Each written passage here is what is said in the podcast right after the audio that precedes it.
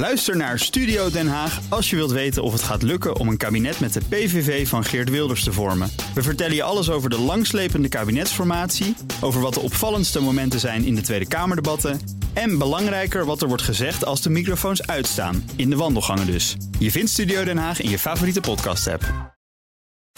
Het is vier over half vijf. Hij was staatssecretaris van Veiligheid en Justitie en minister van Defensie in het kabinet Rutte 2, werd daarna fractievoorzitter en gold jarenlang als de kroonprins van de VVD. Maar voor de Tweede Kamerverkiezingen van dit jaar maakte hij bekend de politiek te verlaten. Hij is gestart als ondernemer buiten de politiek. Bij ons op afstand is de gast Klaas Dijkhoff. Goedemiddag en welkom. Goedemiddag. Um, ja, allereerst even dit. Dit is het officiële, enige VVD-stickeralbum. Uiteraard niet één exemplaar, er ligt hier een hele tafel vol. En we gaan er een paar weggeven. Maar alleen als je kunt uitleggen waarom jij denkt daar recht op te hebben. Waren even benieuwd, heeft u wel in huis? Nee, nee, nee. Ik geloof dat ik er wel in zit. Ja, precies. Wel uh, eervol. Ja, dat lijkt mij ook. Maar ik bedoel, dan wil je toch altijd een bewaarexemplaar hebben voor het nageslacht hè, van dit soort. Uh... Ja, maar ik denk dat ik die volgende week uh, krijg. Dan is er een VVD live waar ik nog. Waar ik nog even bij ben om, Ah. uh, om terug te blikken. En dan zullen ze vast wel een van me klaar hebben liggen. Scheelt even zendkosten. Dat, is- dat, is- dat is helemaal waar. Uh, ik, moest, ik, moest, ik moest even denken um, uh, aan een interview wat u heeft gegeven in NRC. Um, dat was volgens mij uw afscheidsinterview, voor zover dat uh, zo heet. daarin zei u, ja, wij zijn clubverliefd, maar voor de samenleving telt dat niet. En als je dat niet inziet, dan hoor je de partij uit... en dan krijg je terecht op je lazer bij de verkiezingen. Um, als u nu buiten de politiek bent en u kijkt bijvoorbeeld nou op dit moment het CDA... denkt u, ja, dat is nou precies wat ik bedoel? Ik weet niet of daar het probleem op dit moment juist clubliefde is. Uh, of te veel daaraan. Uh, ik, je kunt niet zo'n quote natuurlijk op, op alles plakken. Je hebt hier wel. Ze hebben daar gewoon intern een discussie op inhoud. En die, die lukt helaas niet om die af te ronden zonder dat daar personele fricties uh, zijn. En drastische besluiten van de mensen die de partij verlaten. Maar daar is natuurlijk wel, wel, ja, wel meer aan de hand. Uh, dus ik denk niet dat dat, daar is. Uh, want, dat dat de electorale consequentie was van hoe zij zich de afgelopen jaren hebben opgesteld. Nee. En, en zo'n stickeralbum is dat, hè, want dat is natuurlijk eigenlijk een, een hele leuke hilariteit. Alleen er zullen, en ik zag het ook bij RTL langskomen, dat ja, bij dit soort dingen gaan mensen die dan niet in de politiek zitten zich altijd hevig verbazen over dat dit gebeurt. Is dat dan die VVD-clubliefde? Uh, nou, ik denk dat het bij de VVD wel meer is dan alleen clubliefde. Of dat ik, dat, ik vind ook niet alles goed of leuk wat, we, wat de VVD doet.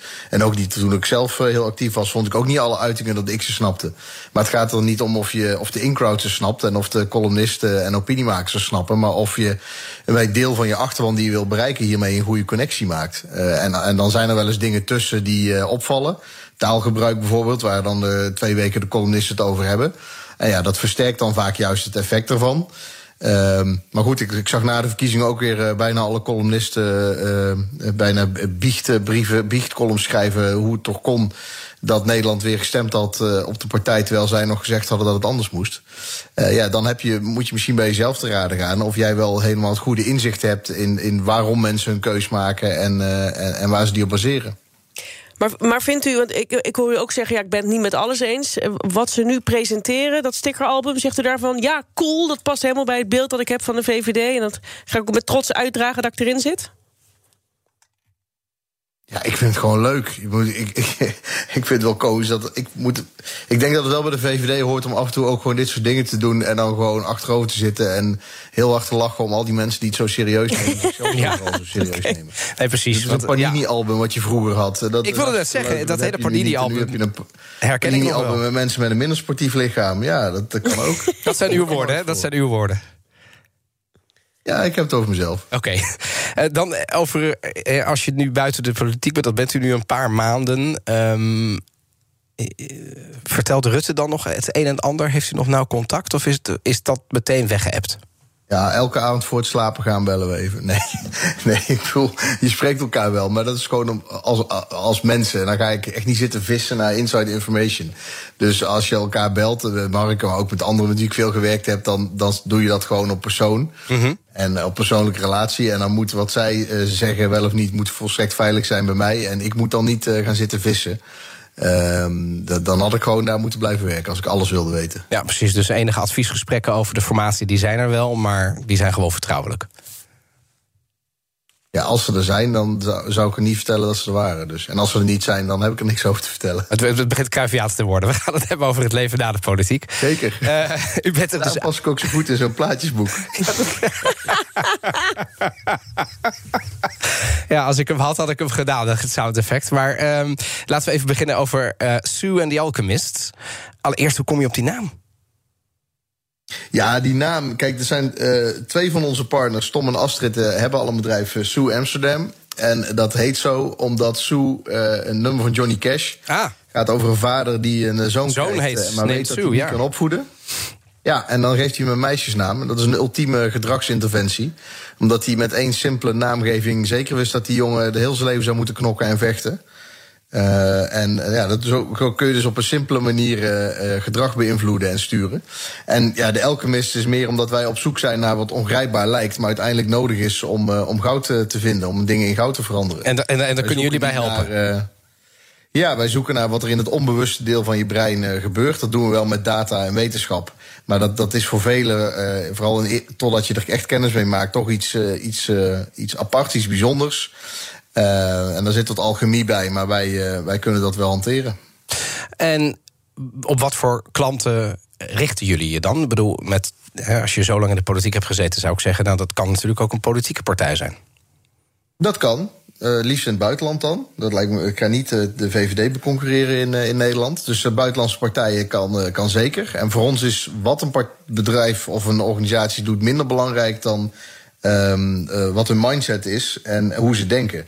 Eh, je moet wel eh, doorhebben en willen werken aan een betere band met je, met je klant of je kiezer of je fans of mensen bij wie je draagvlak wil verwerven voor jouw ideeën. Ja. En als je daarvoor open staat, dan kunnen we, ja, of je nou een bank bent of een goed doel en alles wat ertussenin zit, ehm, eh, kunnen wij je eh, helpen en, eh, en daarmee werken. Ja, eh, en om het nog even wat concreter te maken. Stel, die, die, die, die buitenlandse politieke partij die komt er dan naartoe.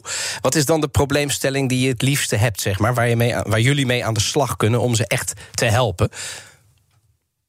Ja, je, wat je altijd hebt, is, is dat je eh, vaak niet uitgaat van een goed beeld van hoe mensen werken en hoe mensen denken, wat er in ons hoofd omgaat.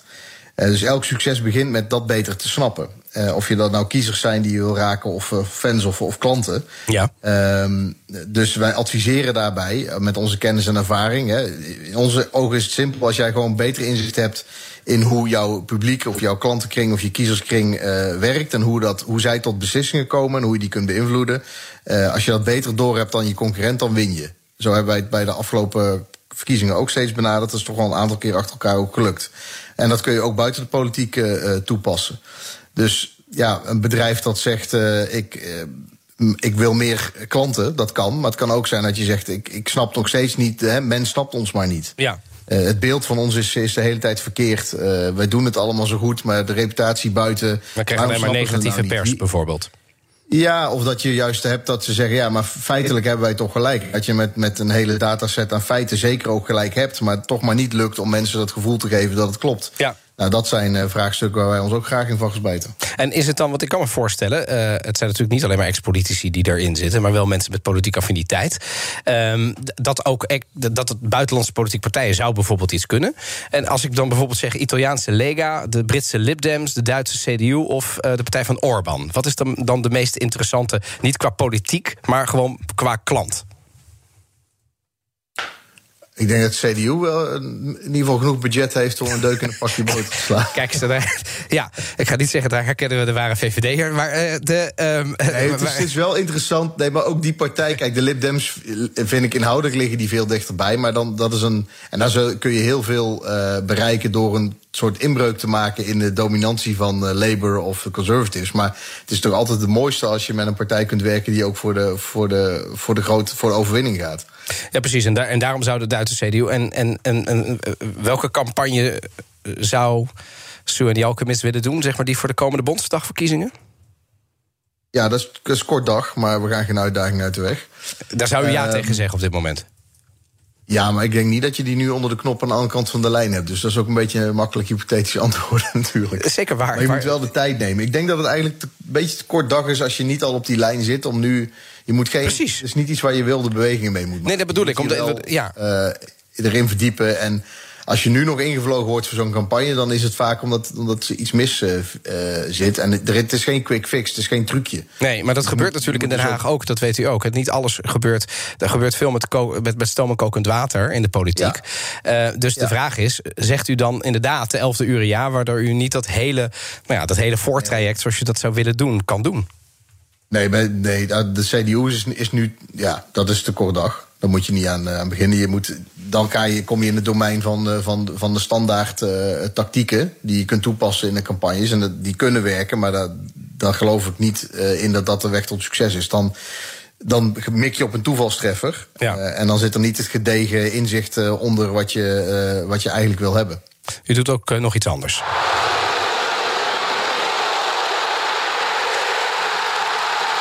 Ja, we horen hier een goal. In dit geval is het van PSV. U bent groot fan van die club en onlangs lid geworden van de Raad van Commissarissen. Wat gaat u daar vooral doen?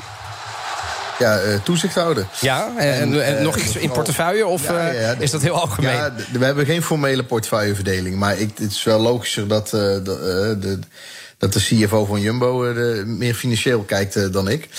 Ehm, eh, mijn collega. Dus ik, ik ga me daar ook heel erg kijken naar hoe komen dingen over. Eh, eh, hoe kijken supporters naar bepaalde dingen. En hoe kun je de beslissingen die, waar je achter staat.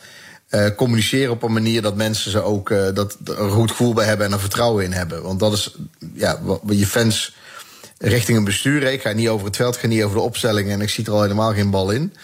Eh, zelfs als ik op het veld zou staan, zou het waarschijnlijk niet lukken.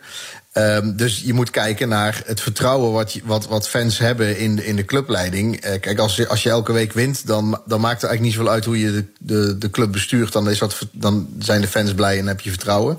Maar dat is natuurlijk geen, eh, geen strategie. Dus ik ga met name daar, daarnaar kijken ook. En ja, als er investeringsmiddelen vrijkomen, hoe je die dan echt ook als investering eh besteedt. En niet wat in de voetballerij wel eens opportunistisch gebeurt. eh, met een paar grote aankopen eh één seizoen lol ervan hebt. Geen grote aankopen dit jaar bij PSV? Ja, dat zou wel kunnen, maar dat moet dan kunnen uit het beleid wat je voert. En niet ad hoc. Tot slot, de landskampioen 2021, 2022. En 23 en 24. Ja? Je gaat elk jaar aan het begin van het seizoen. eh, een club als PSV gaat elk jaar voor de titel. Ja, en, wanneer, en, welk jaar gaat het lukken? Ik als supporter weet dat ik hem niet elk jaar, eh, dat we hem niet elk jaar zullen hebben. Maar vooraf hoop ik toch steeds dat het dat jaar wel zo is. Dank, Klaas Dijkhoff, oud-fractievoorzitter van de VVD... en tegenwoordig ondernemer en commissaris bij P.